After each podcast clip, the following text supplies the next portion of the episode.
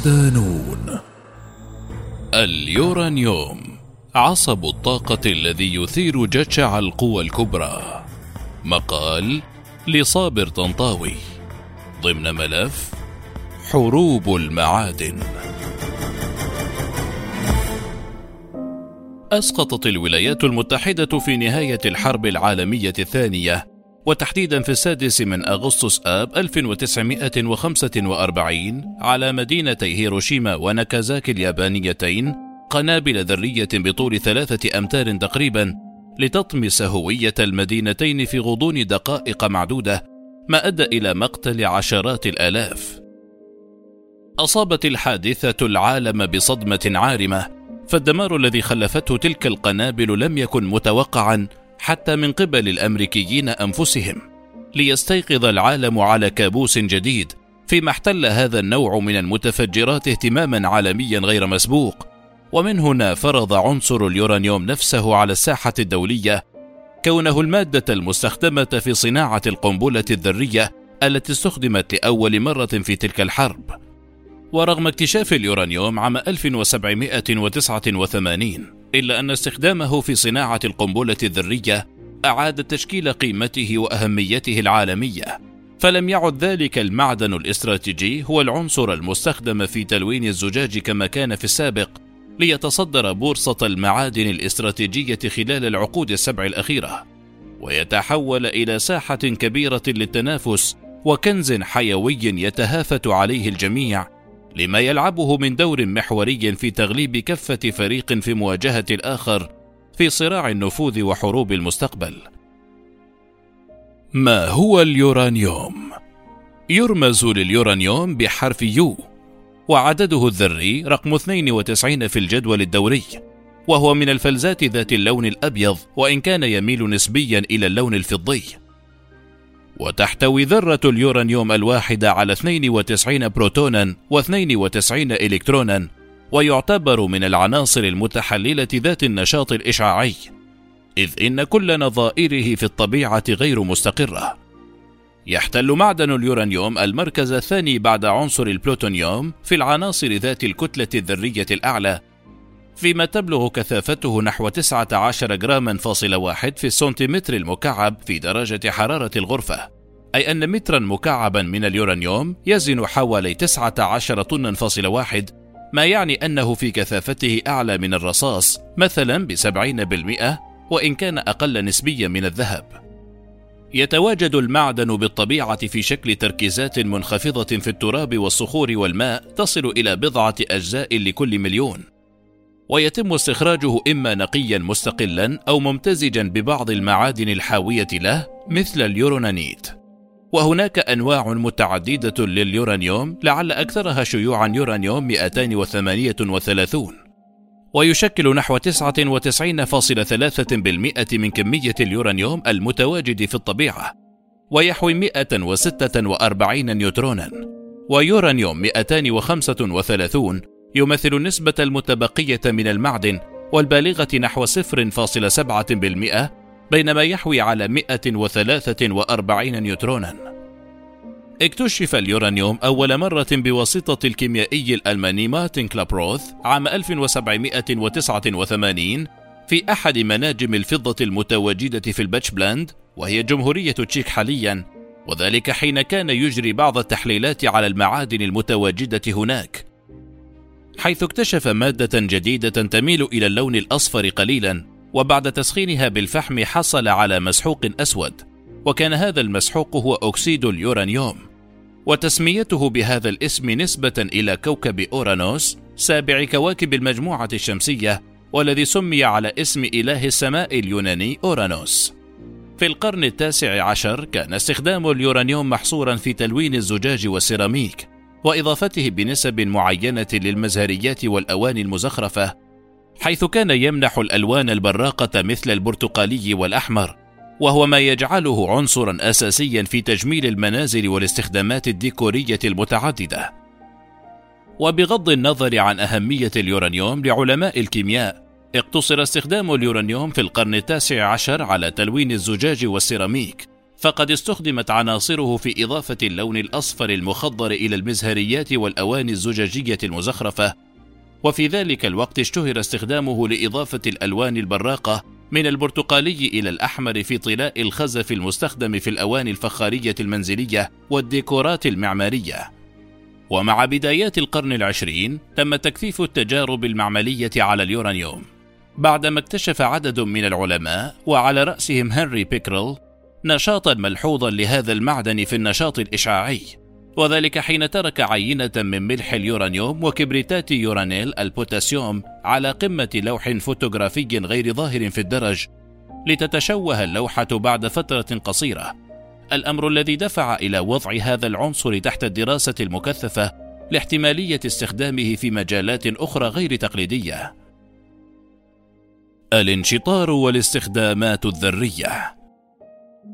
في بدايات عام 1934 لاحظ العالم الفيزيائي إنريكو فيرمي وهو إيطالي أمريكي حصل على جائزة نوبل في الفيزياء عام 1938 وكان ضمن الفريق الذي أنتج أول مفاعل نووي وأول قنبلة ذرية الذي كان يقود فريقا بحثيا أن قذف اليورانيوم بالنيوترونات ينتج عنه أشعة بيتا ومن ثم حدوث انشطار الإلكترون والبوزيترون.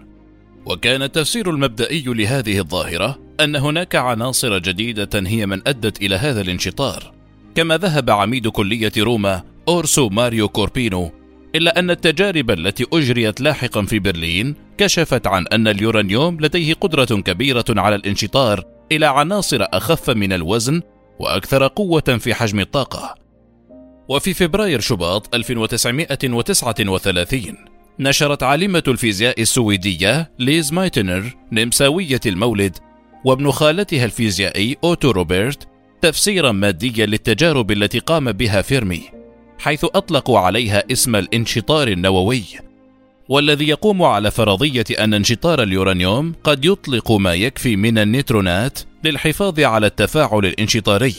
كل ذرة من اليورانيوم 235 قادرة على تحرير 2.5 نيوترون. وفي التاسع والعشرين من فبراير شباط 1940 نجح العلماء في فصل أول عينة في العالم من اليورانيوم 235 داخل أحد المختبرات. وبعد إرسالها بالبريد إلى جامعة كولومبيا توصل العالم جون دانينج إلى أن هذا العنصر هو المادة الانشطارية المعزولة وأن اليورانيوم 235 ونظيره 238 يمكن تحويلهما نوويا إلى البلوتونيوم القابل للانشطار. ومن هنا جاءت فكرة استخدام هذا العنصر في تطوير الأسلحة النووية. وتمكن فريق العالم الإيطالي الأمريكي فيرمي في الثاني من ديسمبر كانون الأول 1942 عبر مشروع منهاتن ولأول مرة من استخدام اليورانيوم المخصب في إنتاج أسلحة نووية. في البداية لم يكن اليورانيوم 235 موجودا بكميات متوافرة لإنتاج مثل تلك الأسلحة. ما اضطر الفريق لتغيير الخطة والانتقال إلى معمل ستاغ فيلد في جامعة شيكاغو. وهنا تمت تهيئة الأجواء المناسبة للتخصيب وذلك بتكديس 400 طن من الجرافيت و58 طنا قصيرا 53 طنا متريا من أكسيد اليورانيوم. وستة أطنان قصيرة أي خمسة أطنان ونصف الطن مترية من معدن اليورانيوم. لتبدأ مرحلة جديدة من الثورة الصناعية في مجال الاستخدامات النووية. وخلال الحرب العالمية الثانية بين 1939 و 1945 طورت الولايات المتحدة نوعين من القنابل الذرية الأولى كانت تعتمد بشكل كامل على اليورانيوم المخصب وتحمل اسم قنبلة الولد الصغير. أما الثانية فكانت تعتمد على البلوتونيوم المشتق من اليورانيوم 238 وتحمل اسم قنبلة الرجل البدين. وفي السادس من أغسطس آب 1945 كان أول استخدام لقنبلة الولد الصغير المصنعة من اليورانيوم المخصب حين سقطت على مدينة هيروشيما اليابانية. الانفجار كان بقوة تعادل 12500 طن من مادة تي إن تي حيث نسف ما يقرب من نصف مليون مبنى وقتل قرابة 75 ألف شخص في دقائق معدودة. نجاح اليورانيوم في إنتاج القنبلة الذرية أعاد الأمل للعلماء والباحثين لتشغيل المفاعلات النووية القديمة التي أهملت بسبب عدم وجود مواد انشطارية. ففي عام 1972 اكتشف الفيزيائي الفرنسي فرانسيس بيرين أكثر من 15 مفاعلا نوويا قديما متوقفة عن العمل في منجم أوكلو في الجابون غرب أفريقيا. إلا أن عدم توفر كميات اليورانيوم بالمعدلات الكافية كان حائلا أمام عودة كل تلك المفاعلات للنشاط مرة أخرى. خارطة الإنتاج يتأرجح الإنتاج السنوي من اليورانيوم الطبيعي بين 55 و 65 ألف طن وتتصدر كازاخستان قائمة الدول الأكثر إنتاجا لهذا المعدن بإنتاج يبلغ نحو 19 ألف طن فاصل أربعة بما يشكل نحو 40% تقريبا من حجم الإنتاج العالمي. بحسب بيانات الرابطة النووية العالمية لشهر سبتمبر أيلول 2021 وتأتي أستراليا في المرتبة الثانية بحصة إنتاجية تبلغ نحو 7000 طن فاصل أربعة تشكل 13% من الإنتاج العالمي. تليها ناميبيا في المرتبة الثالثة بإجمالي إنتاج بلغ 5413 طنا ثم كندا وخمسة وثمانين طنا. فيما جاءت أوزباكستان في المرتبة الخامسة بإجمالي إنتاج بلغ ثلاثة آلاف وخمسمائة طن ومن بعدها النيجر وإحدى وتسعين طنا ثم روسيا بإجمالي إنتاج وصل إلى 2846 طنا وفي المرتبة الثامنة جاءت دولة الصين بإنتاج بلغ 1885 طنا ثم أوكرانيا بإجمالي 400 طن. فيما جاءت الولايات المتحدة الأمريكية في المرتبة العاشرة بإنتاج قدره ستة أطنان من اليورانيوم. أما عن خارطة الاستهلاك العالمي لهذا المعدن الحيوي فجاءت أمريكا على رأس القائمة باستهلاك يبلغ 16 ألف طن. يليها فرنسا بإجمالي 8000 طن فاصل 74 ثم الصين بإجمالي استهلاك 8000 طن فاصل 71 فيما جاءت روسيا في المرتبة الرابعة ضمن قائمة أكثر الدول استهلاكا لليورانيوم بإجمالي 5000 طن فاصل 62 تليها كوريا الجنوبية بالمرتبة الخامسة بإجمالي 4000 طن فاصل 59 ثم في المرتبة السادسة جاءت الهند باستهلاك 2000 طن فاصل 33 ومن بعدها أوكرانيا في المرتبة السابعة بإجمالي 1000 طن فاصل 89 وفي المركز الثامن جاءت بريطانيا باستهلاك سنوي بلغ 1000 طن فاصل 8 وفي المرتبة التاسعة جاءت كندا بإجمالي 1000 طن فاصل 62 وبالمرتبة الأخيرة جاءت ألمانيا بإجمالي 1000 طن فاصل 38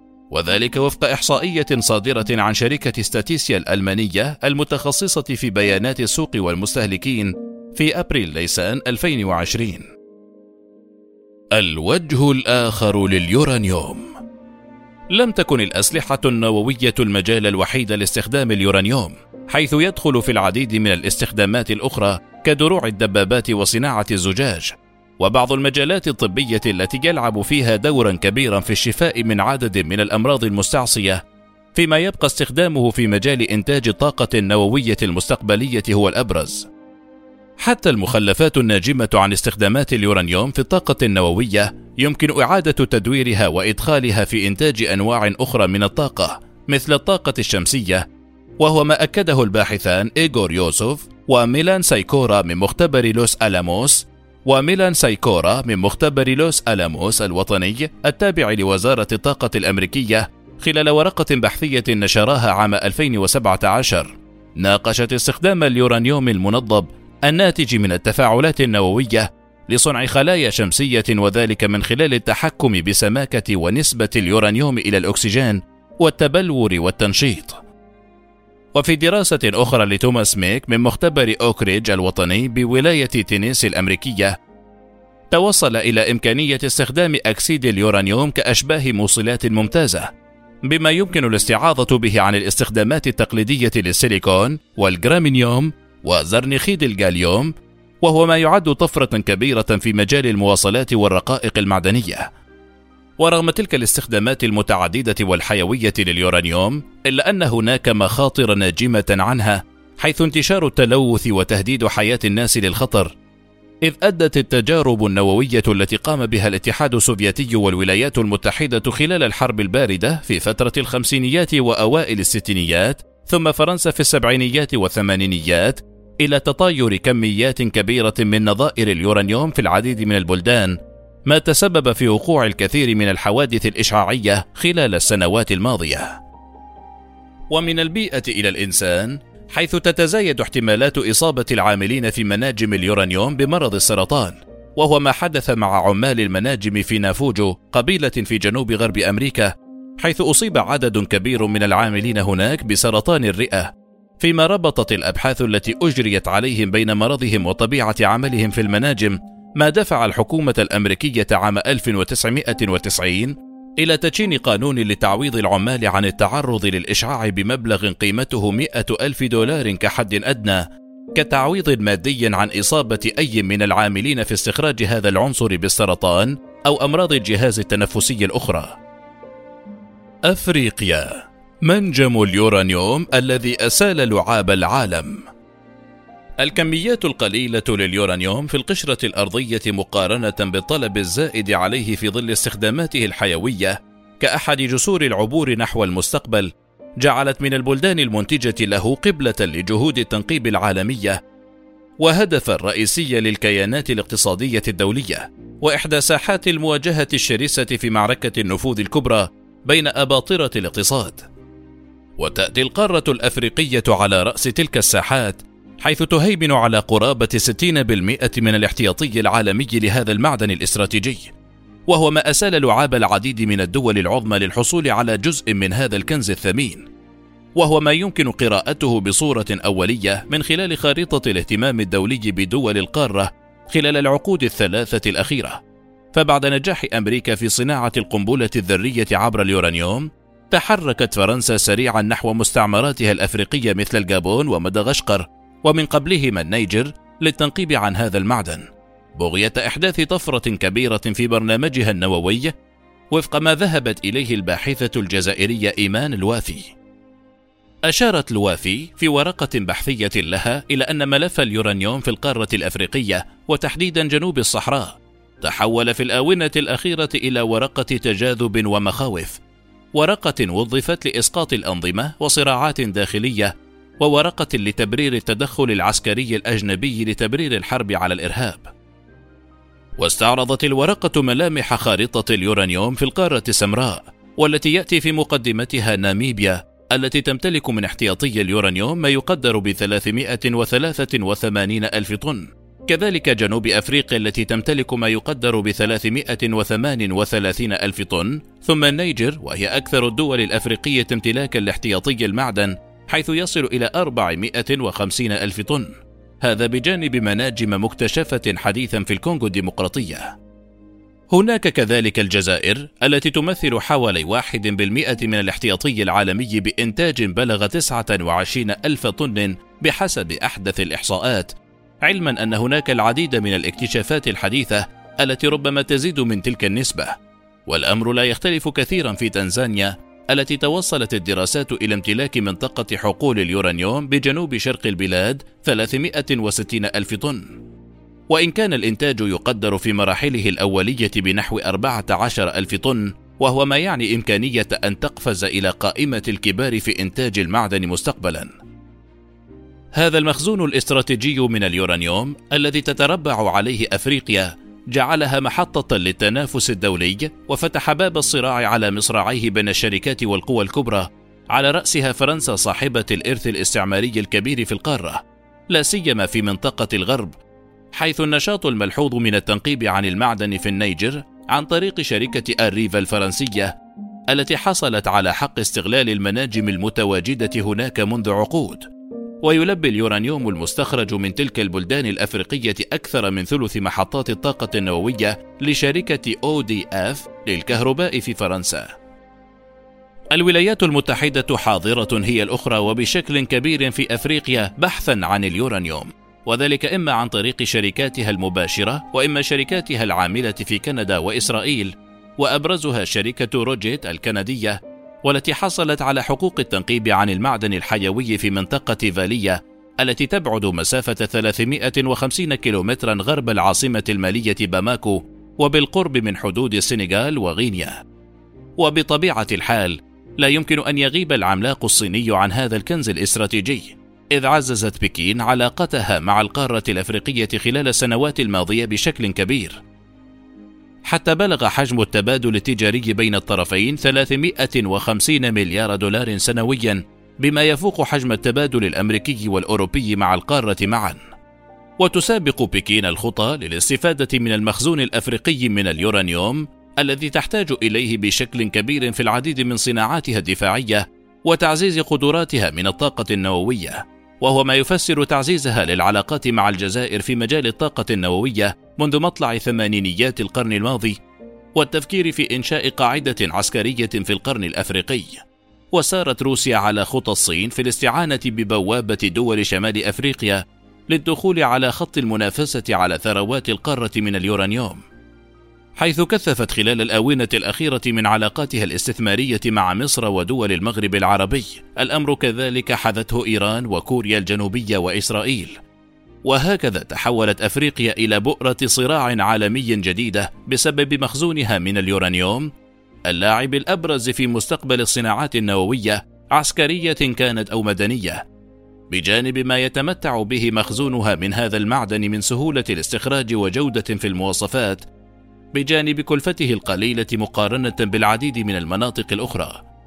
وفي الأخير إن المعادن الاستراتيجية التي تمثل عصب الصناعات المستقبلية والضمانة الوحيدة نحو الحفاظ على النفوذ وموطئ القدم الأكثر استقرارا وتماسكا لمن يريد العبور نحو المستقبل بشكل آمن ستكون وقود الحروب القادمة بين القوى الاقتصادية الكبرى لتضاف إلى قائمة محفزات الحروب المستقبلية بجانب الطاقة والمياه.